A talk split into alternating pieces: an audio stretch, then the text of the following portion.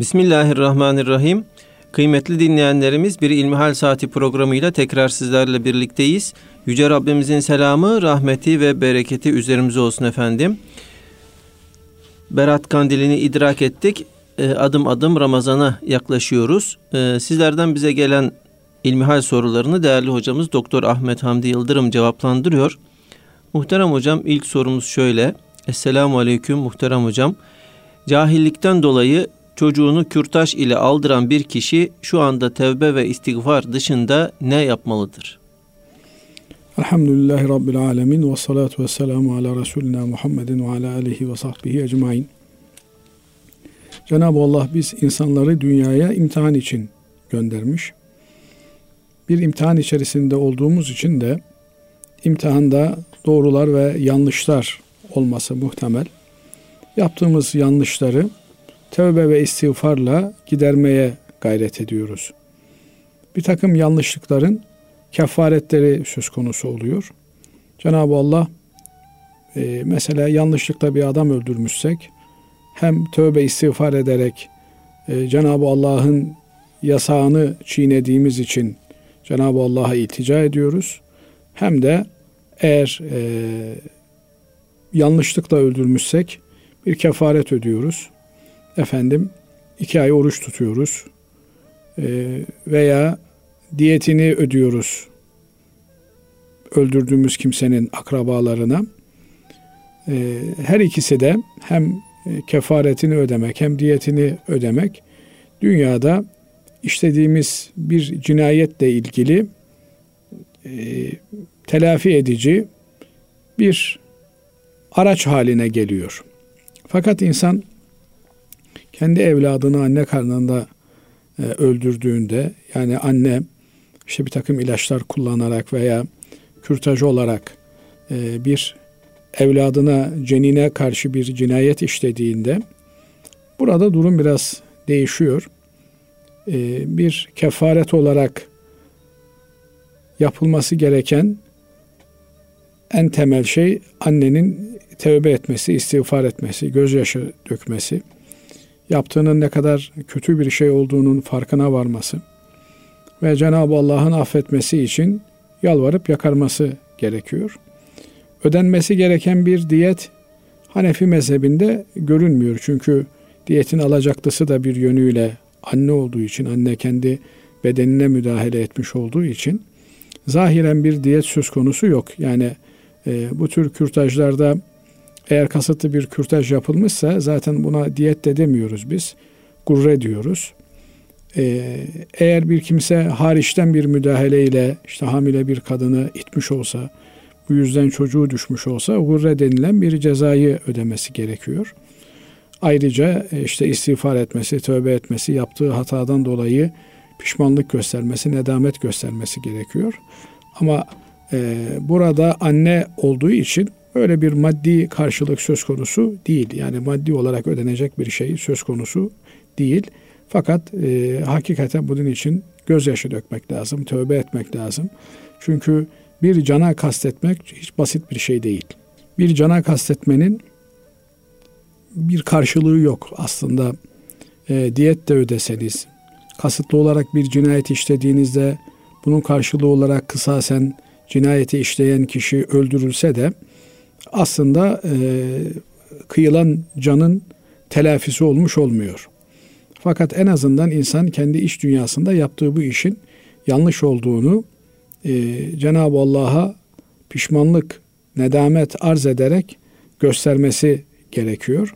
Hele de yani e, işte bir lokmacık ekmeğimiz var onu da bizimle paylaşacak türünden bir e, açlık korkusuyla, kıtlık korkusuyla böyle bir katliama girilmişse ki aslında her bir cinayet bir kişi bile öldürülse bir katliam olarak Kur'an-ı Kerim'de değerlendiriliyor. Bir kişiyi öldürmek bütün insanlığı öldürmek olarak görülüyor. Bu yönüyle daha da ağırlaşmış oluyor günah. Çünkü Cenab-ı Allah her yarattığının rızkını da onunla beraber yaratıyor. Belki onun sebebiyle ailesinin de rızkı bollaşmış oluyor. Hasılı kelam e, tövbe etmek lazım, istiğfar etmek lazım, gözyaşı dökmek lazım. Ve e, bu konuyu da gündem yapmamak lazım. Bunu zaman zaman söylüyoruz. Günahın reklamını yapmamak lazım. Günahın duyurusunu yapmamak lazım. Onun için bizim dinimizde e, gecenin bir vakti yaptığımız günahlar için istiğfar ederiz, tövbe ederiz. Yani onu millete duyurarak, bağırarak ben şöyle günah işledim, ben şöyle bir hata işledim, şimdi pişmanım diye söylenmek doğru değil. Çünkü her anılması günahın aslında e, gizli bir şekilde reklam mahiyeti de taşıyor. Hani derler ya e, reklamın kötüsü olmaz diye. Bu yönüyle e, işlediğimiz günahları unutmaya gayret etmemiz lazım. Unutabilmek için de karşılığında sevap yapmamız lazım. Tabi e, istiğfarın bir parçası da tasaddukta bulunmaktır, sadaka vermektir. Ya Rabbi e, şöyle bir günah işlemiştim, beni bağışlaman e, niyetiyle, niyazıyla işte fakire, fukaraya 100 lira, 1000 lira, 10 bin lira e, verdim diye niyet ederek vermek lazım. Özellikle de e, gittikçe sizin de girişte ifade ettiğiniz gibi Ramazan-ı Şerif iklimine doğru ilerliyoruz. Bu Şaban ayını da bir ganimet bilmek lazım. Ramazan-ı Şerif'i de bir ganimet bilmek lazım. Hakikaten e, işlediğimiz bir cinahın, cinayetin kefareti olmak üzere de özellikle yetim olanlara, işte küçük çocuk sahibi olanlara bu tür sadakalarda, tasadduklarda bulunarak da günahımızı e, affettirmeye çalışmamız gerekiyor. Çünkü e, günahlar salih amellerle affedilir. Yani Ya Rabbi beni affet, Ya Rabbi beni affet, Ya Rabbi beni affet diyerek sözlü olarak tekrarlanan cümleler insana bir telkin anlamı taşır. Bunun tezahürü gerekir. Yani affa mazhar olabilecek, layık olabilecek bir takım ibadetleri sergilemek gerekir. Bunların en önemlilerinden bir tanesi de tasadduktur. Yani fakir fukaraya yardım etmektir. Kimsesizi kollamaktır, gözetmektir. İhtiyaç sahiplerinin ihtiyaçlarını gidermeye çalışmaktır. Efendim e, darda olan, muhtaç olan maddi manevi. Sadece darlanmak, maddi olarak bir darlanmak değil. Adamcağızın her şeyi var veya teyzenin, halanın her şeyi var ama alabilecek gücü, kudreti yok. Dolayısıyla ona yardımcı olabilmekte, psikolojik olarak onun yanında durabilmekte bir tasadduktur. Bu yönüyle efendim e, cemaatle namazlara gitmekten tutun da nafile namazları artırmak suretiyle de insan yaptığı hatalara e, cevabir dediğimiz yani hatayı telafi edecek, giderecek, kefareti olabilecek güzel ameller yaparak tövbe istiğfarda bulunmalıdır. Evet.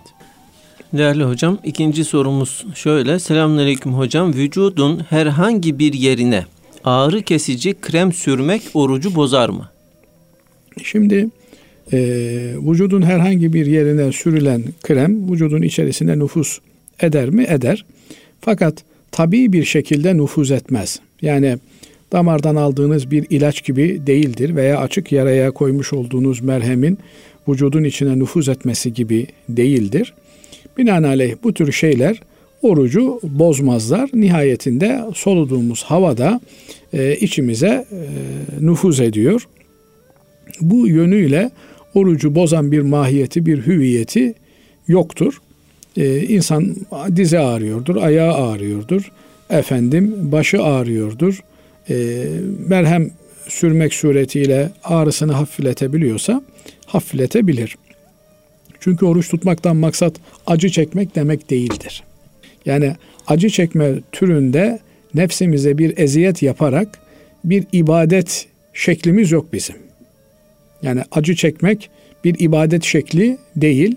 Efendim ben oruç tutarken aç kalıyorum, dayanamıyorum. bundan dolayı da acı çekiyorum.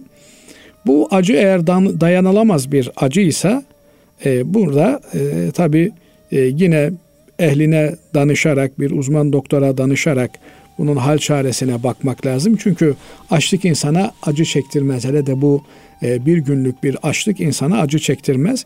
Ama insanın eğer bir takım arızaları varsa, şekeri varsa, efendim ne bileyim böbrek yetmezliği varsa, bunlardan dolayı bir takım yan unsurlar devreye giriyor ve bunlardan mütevellit acı çekiyorsa, o nokta ayrı bir noktadır. Biz o zaman onu hasta olarak değerlendiriyoruz.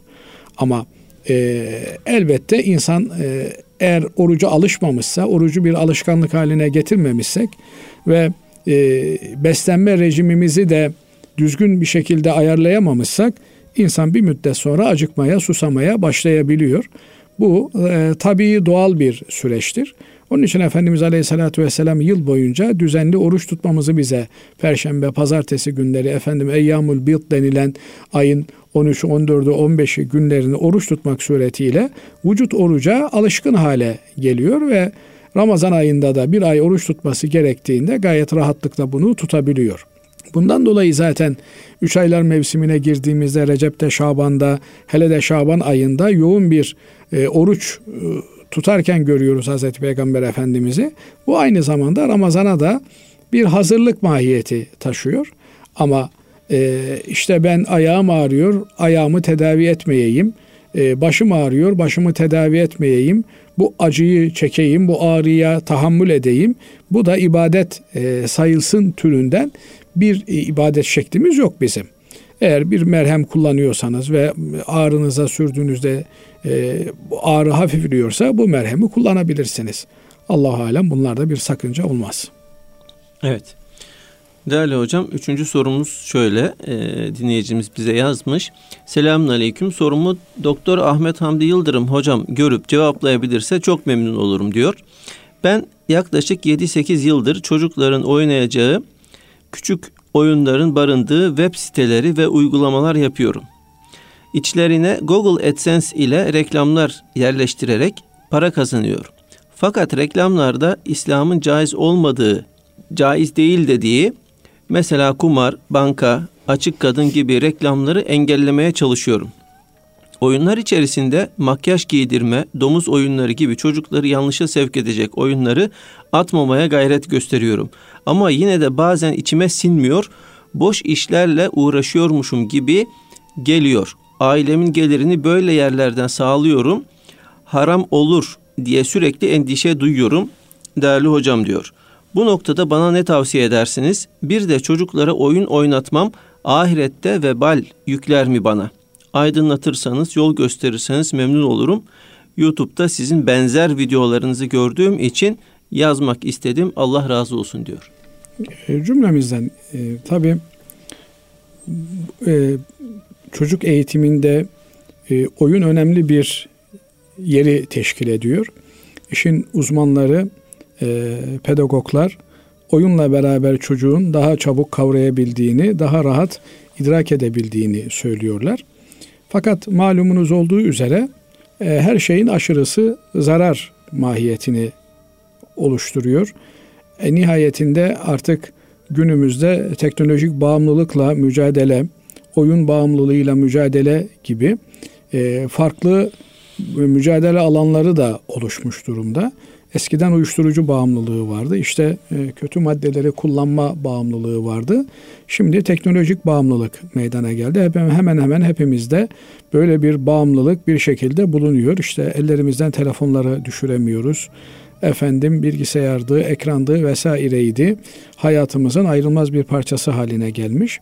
Çocuklarımızla ilgili de e, oyun olmazsa olmaz bir eğitim aracı ama bunun aşırısı bağımlılık e, yapacak düzeye gelmesi çocuklarımızı gerçek hayattan kopartan, onları psikolojik travmatik buhranlara e, iten bir unsur olarak da karşımızda duruyor. Gün be gün e, bir takım oyunların insanları, çocukları intihara sürüklediğini maalesef duyuyoruz, işitiyoruz. Burada tabii çok yönlü olayın değerlendirilmesi gerekiyor. Belki siz masum bir oyun e, yapmışsınızdır veya masum bir oyunu e, pazarlamışsınızdır. Çocukların ulaşabileceği, elde edebileceği bir noktaya getirmişsinizdir. Fakat oyun bağımlılığıyla beraber çocuklar sizin oyunlarınızın seviyesini geçtikten sonra bu sefer piyasadaki başka oyunlara dadanabiliyorlar. Binaenaleyh çok ciddi sorumluluk isteyen bir mesele. Ee, bir çocuğun kişisel gelişimini sağlamak, ruhi gelişimine katkıda bulunmak, bir oyun aracılığıyla olduğunda nasıl o oyunu e, dizayn eden, yapan, efendim onu dağıtan, satan neyse bundan bir mükafat alıyorsa aynı şekilde e, çocuğun Rabbi ile olan irtibatını kopartan Yani şimdi sadece oyunlarda sakıncalı olan şey efendim makyaj yapmaktı, işte malum hayvanın oyunlarıydı vesaireydi filan değil ki. Yani öyle e, şeyler var oyunların içerisinde. E, kainatta Cenab-ı Allah'ın dışında bir takım kudretlerin olduğunu, efendim dünyayı çekip çevirdiklerini vesaireyi filan çocukların zihin dünyalarına taşıyan tamamen e, Roma'nın put kültüründen kalma bir takım tanrıçaların, tanrıların dövüştürüldüğü, oyunun e, ana noktasını teşkil ettiği bir takım şeyler de duyuyoruz, ediyoruz.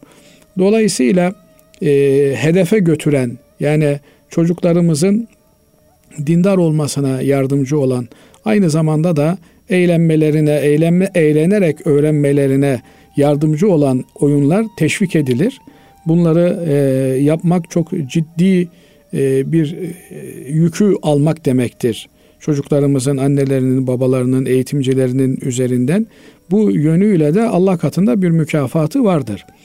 Fakat aynı zamanda da başkalarının oyunlarını eğer tamamen muhtevayı kontrol etmeden kullanacak, teşvik edecek olursak bunun da bizim üzerimize düşen sorumluluğu vardır. Bazen e, zaman zaman tabi kardeşlerimizden müracaat ediyorlar işte bizim çocuk diyor bu gece uyuyamadı diyor günlerdir uyuyamıyor diyor. 5 yaşında çocuk gecenin birinde ikisinde ağlayarak kalkıyor. Var mı hocam diyor yani buna okuyabileceğimiz bir ayet var mı filan var diyorum. E, nedir diyor televizyondan uzak tutun diyorum çizgi film e, tablet vesaire filan uzak tutun bir hafta bakın nasıl uykusu düzeliyor. Niye? Çünkü maalesef bu çocuklarımızı terk ettiğimiz sabahtan akşama kadar esiri haline geldikleri ekranda en masum şekliyle o vırdılı kırdılı sahneler çocukların zihin dünyalarını paramparça ediyorlar. Ondan sonra şiddet eğilimli bir nesil yetişiyor. Ya bu çocuklar nereden öğrendiler bu vurmaya, kırmaya, merhametsizliğe? Çünkü önüne geliyor binlerce insanı bir silahla öldürüyor. Ta ta ta ta ta, ta öldürdüm diyor, öldürdüm diyor. Halbuki e, orada oyun olarak öldürüyor ama sonra gerçek hayatla oyunu ayırt edemiyor. Öyle bir e, körfezden bir kardeşimiz çocuklarıyla beraber gelmişti. Sonra kendi kendime dedim ki herhalde gariban çocuklar e, canlı kediyi görmedikleri için oyuncak kedi zannederek sokak kedisini tutmaya çalışınca kedi de bir refleksle çocukların ellerini ayaklarını tırmıkladı. Yani oyun zannediyorsunuz, oyuncak zannediyorsunuz ama gerçek hayatta durum farklı oluyor. Binaenaleyh çocuklarımızı gerçek hayattan kopartacak şekilde bir e, oyun üretmek ve bunun üzerine yoğunlaşmak da doğru değil. Ama e, maalesef o hale geldik ki çocuklar sokaklarda oynamıyorlar, arkadaşlarıyla beraber oynamıyorlar. Onun yerine e, işte e, ekran üzerinden birbirleriyle oyunlar oynuyorlar. Bunların güzelini, doğrusunu, zararsızını, faydalı olanını yapabiliyorsak bunlar bizim için makbul şeylerdir. Ee, eğer bu niyetle e, yapabilirsek e, yaptığımız şeyden sevap almamız da söz konusu. Ama eğer çocuklarımızın zihin dünyalarını meşgul ediyorsa, zihin dünyalarını e, kurcalıyor, teşviş ediyorsa yaptığımız bu oyunların veya aracısı olduğumuz oyunların da sorumluluğu bizim üzerimize gelir. Diğer taraftan yani bunu e, abonelik usulü e kardeşim parasını veren oyunu indirebilir diye satma imkanı varken Google'un eline bırakarak istediğin reklamı benim videomda verebilirsin veya işte benim oyunuma istediğin reklamı koyabilirsin türünden tamamen tercihi onların eline bıraktığımızda da o zaman e, çok farklı şeyler ortaya çıkabiliyor. Hatta bugünlerde duyuyoruz büyük şirketlerin e, Avrupa'ya satış yapabilmeleri için bir takım e, yerlere satış yapabilmeleri için LGBT'yi desteklemeleri şart olarak koşuluyor. Bakıyorsunuz koca koca firmalar, anlı namlı, şanlı firmalar e, LGBT'yi destekleyen hatta futbol kulüpleri onlara ne oluyorsa yani futbol kulüpleri işte Türkiye'de ağırlıklı olan e, kulüpler erkeklerden müteşekkir. Kadın bile oynatmıyorlar. Böyleyken e, bunu bir özgürlük olarak fıtratla savaşı, Allah'la savaşı bir özgürlük olarak e, lanse edenlerle ittifak edebiliyorlar. Şirketler de e, bunların maalesef dünyevi çıkarları uğruna kendi kendine diyor ki işte ben yapmasam diyor öbürü yapacak diyor. E öyle zaten yani sen cehenneme gitmesen bir başkası gidecek. O gidiyor diye bizim de cehenneme gitmemiz gerekmiyor. Belki dünyalık olarak kaybedebiliriz. Milyar dolarlık şirketlerimiz sıfıra indirgenebilir. Yani Cenab-ı Allah bize ey kulum ahirete gelirken muhakkak dünyada 150 milyar dolar bırak da gel demiyor. Yani üç şeyi bırakabilirsen peşinden diyor sevap olarak yazılır diyor. Bu sevap olarak yazılabildiği gibi günah olarak da yazılabilecek şeylerdir. Yani mesela sadakayı cariye olarak bir hayrat yaptın, onun sevabı gelir sana. Efendim eğer e, bir içki imalathanesi yapmışsan onun da günahı sana gelir. Efendim bir kitap yazın insanları hayra davet ediyorsa insanlar ondan okudukça senin de ruhun sevap görür. Ama eğer şer doğuran bir şey yapmışsan o zaman onun şerri senin ruhuna günah olarak gelir. Dolayısıyla e, bugün için parayla imtihanı Müslümanın çok zor. Aynı şekilde bir Müslümanın da Allah'a ve dinine savaş açmış olan, yani fıtrata müdahale demek olan, yani Allah erkeği erkek yaratmış, kadını kadın yaratmış. Efendim, e, yok ben Allah'ın yarattığına razı değilim de ben e, değiştirmek istiyorum, fıtratımı bozmak istiyorum. Bu hadi bireysel anlamda kabul edilebilir. Yani e, diyelim ki bir olağanüstü bir durum söz konusu veya normalin dışında bir hal söz konusu. E, bir kişi yapılan danışmalık e, danışmalar neticesinde, istişareler neticesinde durumunu değiştirdi diyelim. Ama bunun reklamı olmaz, bunun e, ilanı olmaz, bunun piyasaya e, normalmiş gibi dayatılması bu asla kabul edilebilecek bir şey değil. Bu yönüyle de Müslüman yeri geldiğinde para kaybetmeyi göze alabilmeli. Nihayetinde Cenab-ı Allah hepimiz için bir rızık yazmış. O rızık öyle de böyle de bizim kursağımızdan aşağı geçecek. Bakmakla yükümlü olduğumuz kimseler o rızıkla rızıklanacaklar. Dolayısıyla helal olan rızkımızı, tıyb olan, tertemiz olan rızkımızı bir takım şaibeli şeylerle bozmamamız lazım. Ben bunları söylerken kardeşimiz bu oyun işini bıraksın, bunlarla meşgul olmasın demiyorum. Az olsun, öz olsun, buğday unu olsun demişler atalarımız. Belki az kazanacaktır. Belki e, kazanma imkanı da dünya ölçeğinde olmayacaktır. Ama Cenab-ı Allah ona ne takdir etmişse rızık olarak o onu gelip bulacaktır. Bundan hiç şüphesi olmasın. Fakat e, üç kuruş dünyalık kazanacağım diye e, dini değerlerinden bir insanın taviz vermesi asla söz konusu olmaz. Dinini, ahiretini de Google'a emanet etmemeli bir kişi bence. Güzel söylediniz hocam. Evet. Yani e, birinci e, bölümün e, sonuna böylece sonunu bağlıyoruz. E, kısa bir aradan sonra e, değerli dinleyenlerimiz tekrar devam edeceğiz. Birlikte olacağız az sonra inşallah. Kıymetli dinleyenlerimiz İlmihal Saati programımıza kaldığımız yerden devam ediyoruz. Muhterem hocam dinleyicimiz şöyle bize yazmış. Sayın hocam ben Milli Eğitim Bakanlığı bünyesinde çalışan bir öğretmenim. Bakanlık eğitim öğretim yılı başında öğretmenlere eski adıyla kırtasiye yardımı, şimdiki adıyla eğitim ödeneği adı altında bir miktar para veriyor. Verilen paranın nereye kullanılacağı konusunda herhangi bir açıklama yok. Bu parayı öğretmenlerin kendi şahsi ihtiyaçlarına harcamaları caiz midir? Yani e, anlayabildiğim kadarıyla zaten şahsi harcamaları için kendilerine verilmiş olan bir ödenek. Eğitim yılının başında e, öğretmen derse gireceği için efendim kalemiydi, kitabıydı, defteriydi, yıl içerisinde e, okuyacağı kitabıydı. Buna bir destek olmak maksadıyla bir nevi e, öğretmene misyonunu da hatırlatacak mahiyette öyle çok daha hamşahım bir şey verdiklerini zannetmiyorum öğretmenlerimize hakikaten en yüksek maaşları vermemiz gerekiyor. Öğretmenlerimizin öğretmenliklerini güçlendirmemiz gerekiyor. Çünkü bir öğretmen kaliteli bir şekilde yetişirse e, onun yetiştirdiği nesiller de ülkeyi kalkındıracak, geliştirecek olan, kurtaracak olan nesillerdir. Ama maalesef ülkemiz gibi ülkelerde bakıyoruz ki marifet iltifata tabi. E, ilim camiası o marifeti gösteremiyor. Çünkü doğru orantılı bir iltifat söz konusu değil. Bir takım ülkelerde duyuyoruz en yüksek maaşları öğretmenlerimiz alıyorlar. Ama Türkiye'mizde ortalamaya baktığınızda e, öyle bir durumda olmadığını görüyoruz. Göreceli olarak elhamdülillah yine öğretmenlerimiz eskiye nazaran daha iyi durumda iseler de çok çok daha iyi durumda olmaları gerekiyor.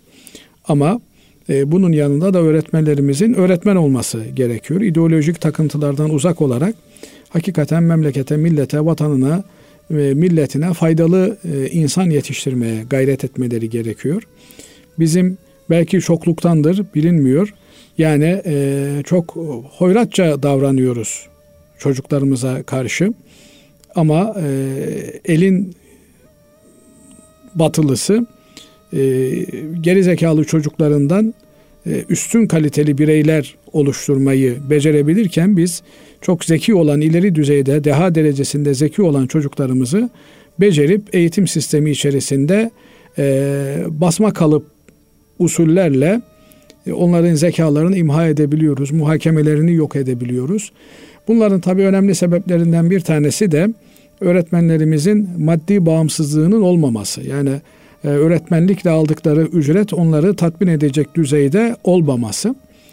E, bu önemli bir problem. Yani öğretmenlerimizin birçoğu okulda e, öğretim esnasında iktisadi e, dertleriyle, buhranlarıyla boğuşuyorlarsa o zaman onlardan kaliteli bir eğitim öğretim faaliyeti beklemek de e, imkansız hale geliyor. Dolayısıyla böyle e, hamiyetli olan, hakşinas olan öğretmenlerimizin sayıları çoğalsın diye niyaz ediyoruz, dua ediyoruz. Şu noktadan da e, rahat olsunlar diyoruz. Yani devlet e, her saatine yüzlerce altın verse yine öğretmenlerimizin hakkını ödeyebilmiş olamaz. Bunun anlamı şu değil tabii. Yani bana verilen maaş yeterli bir maaş değil. Dolayısıyla benim öğretmenlik yapmak gibi bir mecburiyetim yok diye de diyemez. Eğer bu vazifeyi kabul etmişse üçüne beşine bakmadan kendi vicdanıyla kaliteli insanlar yetiştirmeyi, eğitime, öğretime önem veren insanlar yetiştirmeyi hedeflemeli. Bu bir yönüyle de tabii e, şöyle de düşündüğümüzde bize doğru gelen bir problemdir. Demek ki bizim öğretmenlerimiz bundan 50 sene önce eğitime, öğretime önem verecek nesiller yetiştirmeyi hedefleyemedikleri için bugün iktidarda olan efendim e, bütçeyi tanzim eden kimseler 10 yıllardır öğretmenlere gerekli ilgi ve alakayı gösterememişler. Her ne kadar yine tekrar ediyorum yanlış anlaşılmasın diye göreceli olarak bugün bakıldığında öğretmenlerimizin durumu eskiye nazaran daha iyi ise de bunun yeterli olmadığını bilmek gerekiyor ve iyileştirilmesi için de çalışmak gerekiyor. Şöyle argümanlar kullanılabilir. Yani işte e, toplumda birçok meslek grubu var. Dolayısıyla bunların hepsinin öncelikleri var. E, öğretmenlere sıra gelmiyor diye söylenebilir. Bu çok yanlış bir argüman olur. Öğretmenler en ulvi vazifeyi yapan e, elemanlardır. Dolayısıyla onların toplumu yetiştiren unsurlar olarak e, her daim canlı ve zinde olmaları gerekir. Çünkü körpecik dimalara, e, safi zihinlere ilk bilgiyi onlar veriyorlar. E, bizim evlatlarımızı adam yapacak olan da onlardır.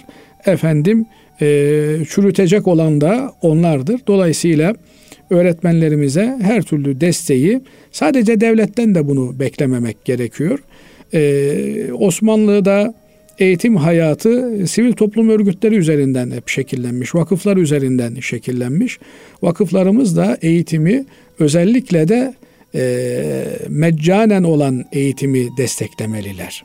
Şimdi bazı vakıf müesseseleri, dernekler vesaireler özel okullar açıp on binlerce liraya öğrenci okutuyorlar.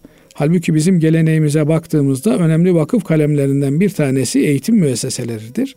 Medreselere, sıbyan mekteplerine e, vakıflar tahsis edilmiştir. Burada hem öğretmenini hem öğrencisini koruyup kollamıştır bu tür vakıflar ve eğitim bunlar üzerinden gelmiştir. Ne zaman devletmeşle, devletleşmeye başladı, memur zihniyeti hakim olduğu eğitime, memleketimizdeki eğitimin kalitesi maalesef e, düşmeye başladı. Bu yönüyle e, en azından sivil toplum örgütlerinden hamiyetperver olanların da e, etrafındaki okullara sahip çıkmaları gerekiyor. Öğrencilere sahip çıkmaları gerekiyor. E, muhakkak faaliyet anlamlarının önemli bir bölümünü eğitimin üzerine yoğunlaştırmaları gerekiyor. Yeri gelmişken bu da e, içimizde kanayan bir yaramızdı. Onu da ifade etmiş olalım istedik Basri Hocam. Evet. E, konu dışına çıkmışsak affola. Estağfurullah. Değerli hocam diğer bir sorumuz şöyle. Hocam arabam var peşin 30 bin lira ediyor. Ben bunu birine 9 ay sonra paramı vereceksin diyerek 40 istesem dinen nasıl olur? Helal midir, haram mıdır? Açıklayabilir misiniz diyor. Şimdi e, özellikle de ikinci el e, mamullerin, ürünlerin fiyatı karşılıklı rızaya bağlıdır. Yani aldatma olmaksızın efendim siz arabanızın e, ayıbını, kusurunu, kilometresini, vuruğunu, kırığını, arızasını söyledikten sonra 30 bin de istersiniz, 40 bin de istersiniz. Kardeşim bunu 30 bine de bulabilirsin, 35 bine de bulabilirsin diye müşteriyi de yanıltmadan doğru bir şekilde bilgilendirerek söyledikten sonra ama ben arabamı 40 bine satıyorum diye söyleyebilirsiniz. Yani e, karşı taraf bunu bildikten sonra maddi manevi bir baskı unsuru oluşmadıktan sonra yani ne demek istiyorum? Yani o adam o arabayı almaya mecbur olarak geliyorsa onun mecburiyetinden istifade etme cihetiyle siz 30 bin liralık arabaya 35 bin lira diyorsanız bunu vicdani sorumluluğu vardır. Yani ahirette bunun hesabı sorulur. Ama öyle değil. Sizden almaya mecbur değil adam. Yan komşuda da var, başkasında da var. Ondan da alabilir. Ama e, sizin arabanın rengi hoşuna gitmiş adamın. Efendim turkuaz mavisiymiş. O da öyle bir renk arıyormuş. Ben 40 bin liraya satıyorum kardeşim. Yani sen turkuaz mavisi olmasa da ihtiyacınsa bu araba senin ihtiyacını görür. Başka araba da senin ihtiyacını görür. Binaenaleyh bu böyle bilindikten sonra yani benim arabamın fiyatı 30 bin lira. Müşteri de bunu biliyor. Ben de biliyorum. Ama kardeşim ben arabamı 40 bin liraya satıyorum. Müşteri alır. Helal hoş olsun.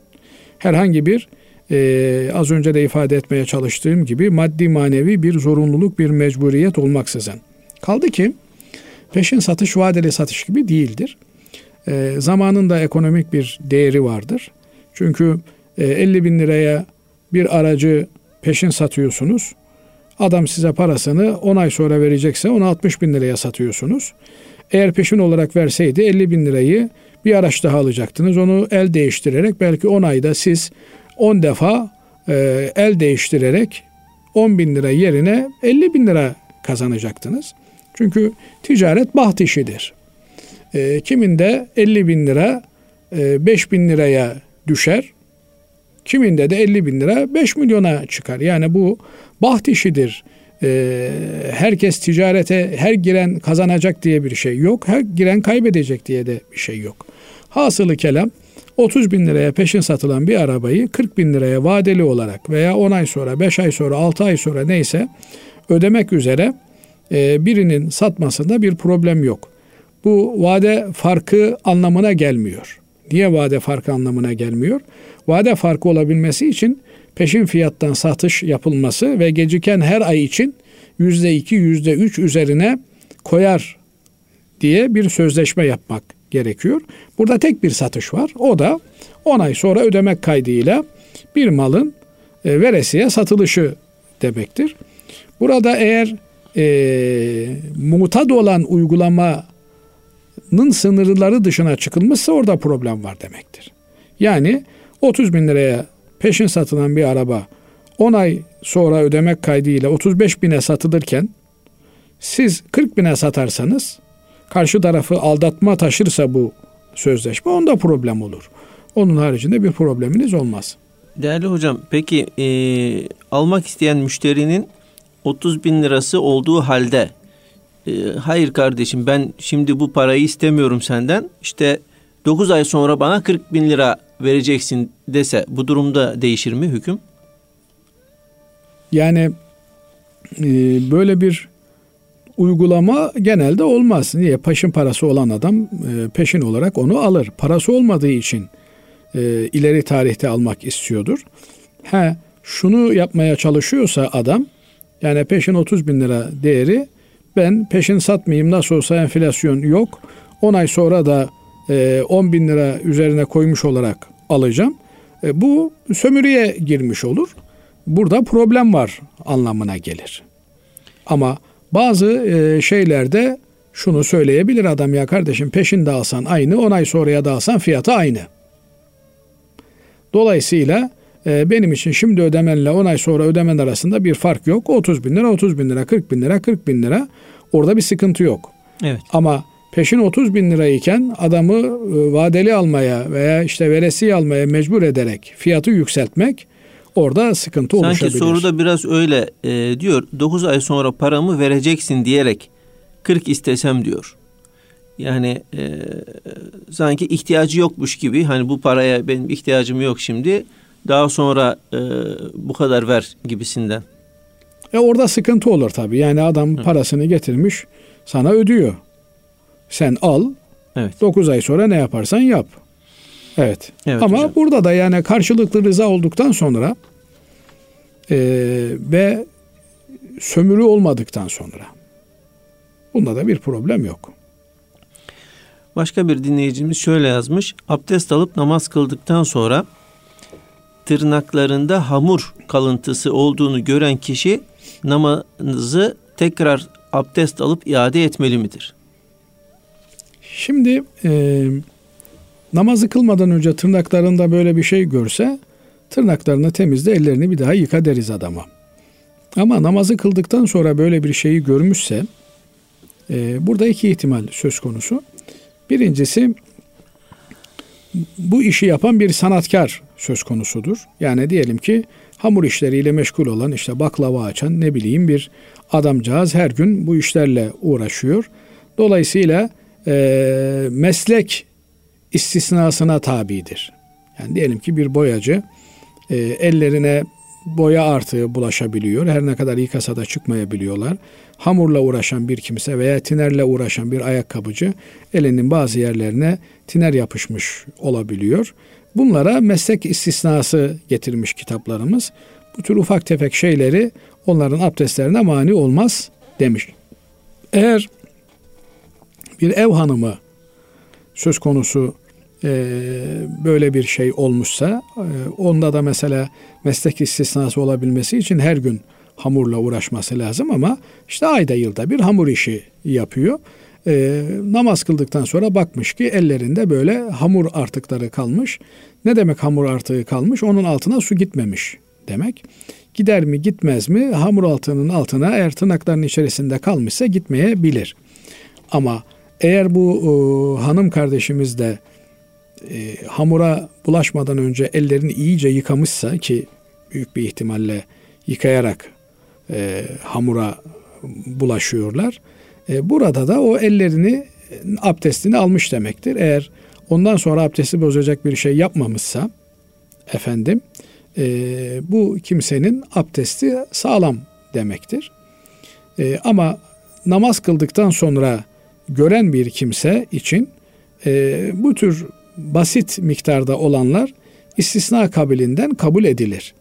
Ama namazdan önce görmüşse ellerindeki onu çıkartması, çıkartırken de tabii kendisine eziyet vermeden çıkartması. Yani bazen oluyor ki e, işte Japon yapıştırıcısı yapıştı, e, çıkartacak olsanız derinizi kanatacaksınız mesela. Oralarda da e, eziyet vermeden çıkartmak söz konusu olabiliyorsa çıkartılması istenir. Aksi halde olduğuyla olabildiğince abdest alması kişiye yeterli olur. Evet. Bir diğer sorumuz şöyle. Hocam namusum ve şerefim üzerine yemin ederim diyorlar. Allah'tan başkası üzerine yemin etmek caiz midir? Bu yemin olmaz. Yani adına yemin denmesiyle yemin olmaz. Yemin e, Cenab-ı Allah'ın isminin anıldığı cümlelerdeki yemindir. Yani o da e, vallahi billahi tallahi ifadeleriyle yapılan e, yemindir. Bunun haricindekiler yemin olmaz işte ant içmek veya işte namusum ve şerefim üzerine yemin ederim türünden ifadeler e, şeriatımızın saydığı yemin olarak geçerli olmaz. Böyle olduğu için de bunlara yemin ahkamı terettüp etmez. Böyle yeminler yapmak doğru mudur? Bunlar da doğru değildir. Çünkü bir Müslüman e, daha doğrusu yemin yapmak pek öyle e, matlup olan, e, istenilen bir şey değildir. Doğruysan yemin yapmak teşvik edilmemişken hele yalan yanlış yere yemin yapmak hiç teşvik edilecek bir şey değildir. E, bu yönüyle bu tür e, şeriatımızın tanımadığı, kabul etmediği yeminleri de yapmaktan kaçınmak lazım. E, insanın ağzını yemine alıştırmaması lazım. Hele de yani meşru olmayan bir hedefi pekiştirmek için kullanılıyorsa haydi haydi bundan kaçınmak gerekir. E, nitekim Efendimiz Aleyhisselatü Vesselam meşru olan kazançta bile Allah'ın adını, dindarlığı istismar etmeyi, işte vallahi benim bu malım gibi mal bulamazsın, vallahi bu çok ucuz fiyat, vallahi bundan ucuzunu bulamazsın türünden e, malı tervic eden, e, promosyon kokan tabiri caizse yeminleri yasaklamış. Yani bunlar doğru olan yeminler olduğu halde yasaklanmışsa, meşru olan yeminler olduğu halde yasaklanmışsa, hele hele öyle e, namusumdu, ayakkabımdı vesairem üzerine yemin ederim türünden yeminler şeriatımızın uygun görmediği ifadelerdir. Bunlardan uzak durmak gerekir. Evet. Bir diğer dinleyicimiz şöyle yazmış. Öncelikle hayırlı günler dilerim. Vakıf Katılım Bankası'ndan finansman aldım ve finansman alırken satış yapıldıktan sonra bankaya gelip akit yapılması gerekiyormuş. Parantez içine aldım verdim. Biz bunu bilmiyorduk. Bu yüzden aldığımız finansman sıkıntıya girmiş midir? İkinci olarak finansmandan sonra sağlık sigortası yapıldı. Vefat olursa borcu ödemek için sigorta yapıldığım e, borcu ödemek için sigorta yapıldığım şirket Türkiye Hayat Emeklilik Kamunun sigortası ve yardımlaşma ile çalıştığını söylüyor. Bu sigorta caiz midir diyor. Şimdi bir takım mevzuat gerekçeleri ileri sürülerek o da nedir? İşte çifte vergilendirme olmasın vesaire filan gibilerinden. Normalde yapılması gereken usul efendim A şahsının bir malı alıp kendi mülkiyetine geçirdikten sonra B şahsına devri ve satması olması lazım gelirken öyle olmuyor da katılım e, finans şirketlerinde siz bir evi e, konuşuyorsunuz almak üzere. Ondan sonra fiyatını belirliyorsunuz, ediyorsunuz. Finans kuruluşuna geliyorsunuz. Finans kuruluşu size vekalet vermiş oluyor. Siz e, finans kuruluşu adına kendinize almayı düşündüğünüz evi finans kuruluşu adına almış oluyorsunuz. Ondan sonra finans kuruluşuna geçen bu evi finans kuruluşu size 100 e, bin liraya almış efendim 120 bin liraya taksitlendirerek satmış oluyor. Bu işler bir kişi üzerinden döndüğü için yani alanda veren de aynı kişi olduğu için burada bir mış gibi olma e, söz konusu oluyor. Böyle olduğu için de e, bunları ben şüpheli olarak kendim değerlendiriyorum. E, ama buralarda tabii fetva kurullarında yetkin olan hocalarımız var, alimlerimiz var. Onlar e, işe müdahil oluyorlar. Zaman zaman bankadan bir sorumlu giderek direkt e, alımı yapıyor. Burada tabi bankanın mülkiyetine geçmiş olsa, banka önce tapuyu üzerine alıp sonra satmış olsa efendim bu hiçbir problem olmayacak, hiçbir şüphe olmayacak. Fakat e, buradaki kuruluşlara e, söylendiğinde bu işi niye böyle yapmıyorsunuz diye onlar da diyorlar ki haklı veya haksız olarak artık kimseyi itham etmek bizim haddimize değil. Onlar da diyorlar ki işte banka bunu kendi üzerine aldığında bir e, vergi terettüp ediyor. Daha sonra sattığında yine bir vergi terettüp ediyor. Dolayısıyla çifte vergi söz konusu olabiliyor diyorlar. Halbuki işte efendim bununla ilgili mevzuat çalışmaları yapılıyor. İsteseler bu mevzuat çalışmalarına müdahale ederek burada bu açığı giderebilirler. Fakat giderme cihetine gitmiyorlar ne hikmetinse. Bunu da üzülerek burada ifade etmek istiyorum Basri Hocam. Yani bu finans kuruluşlarımız çıktıkları 80'li e, yılların e, ortasından sonra e, daha İslami işlemleri yaparlarken gün geçtikçe kapitalist sistemin çarkına e, uymaya doğru kayıp gidiyorlar. Binaenaleyh burada bir ters giden bir şey var. Bunu düzeltmeye çalışmak lazım.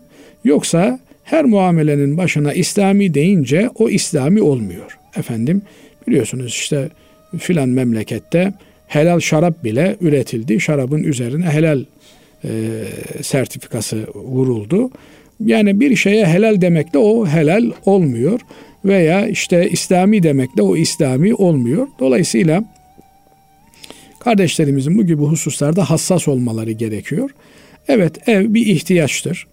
E, bu ihtiyacı karşılamak için de insan öncelikle öz kaynaklarına müracaat etmeli. Efendim çevresindeki kaynakları seferber etmeli. Kendi e, yorganınca ayağını uzatarak basit çözümlerle e, bir sonuç almaya çalışmalı. Olmadığı yerlerde e, kişiye özel zaruret hükümleri işletilebilir. Yani e, bununla ilgili de yine bir uzmanına danışarak e, kirada kaldığımda şöyle bir sonuç alıyorum. Evet bir e, ev aldığımda şöyle bir sonuç ortaya çıkıyor diye kişiye özel sonuçlar, kişiye özel fetvalarla bulunabilir. E, ama onun haricinde mutlak olarak bu işleri e, uygun görmek, problemsiz görmek e, benim açımdan problemli görünüyor. Doğruyu bilen Cenab-ı Allah'tır. Sigorta meselesine gelince yani e, özellikle de bu tür hayat sigortaları tamamen e, ticari sigortalardır. Ölürsen ne ala ölmezsen ödersin. Yani bu bir e, aldatmacayı da içinde barındırıyor. Binaenaleyh bunlara da problemsiz demek kolay şeyler değil. E, ama maalesef mevzuat gereği herhalde e, böyle bir sigorta yapma ihtiyacı hasıl oluyor. Çünkü adam öldüğünde parayı nereden tahsil edecekler? Halbuki e, satışı ödemenin peşinden yapabilirler. Eğer e, ödeme yarıda kesilmişse yarısı kuruluşun yarısı kişinin olmak üzere eğer varisleri tamamlayabiliyorlarsa tamamlarlar. Tamamlayamıyorlarsa satılır yani ortak mal nasıl bölünüyorsa burası da bölünür. Dolayısıyla yani e, kapitalizmin bütün enstrümanlarını olduğu gibi adına İslami diyerek e, Müslümanlaştırmanın mümkün olmadığını söylemek istiyorum. Cenab-ı Allah e, helalinden, temizinden ev bark sahibi olmayı, ihtiyaçlarımızı karşılayabilmeyi hepimize nasip etsin. Amin. Diyelim. Evet. Allah razı olsun kıymetli hocam. Değerli dinleyenlerimiz bugünkü İlmihal Saati programımızın sonuna ermiş bulunuyoruz. Hepinizi Allah'a emanet ediyoruz efendim. Hoşçakalın.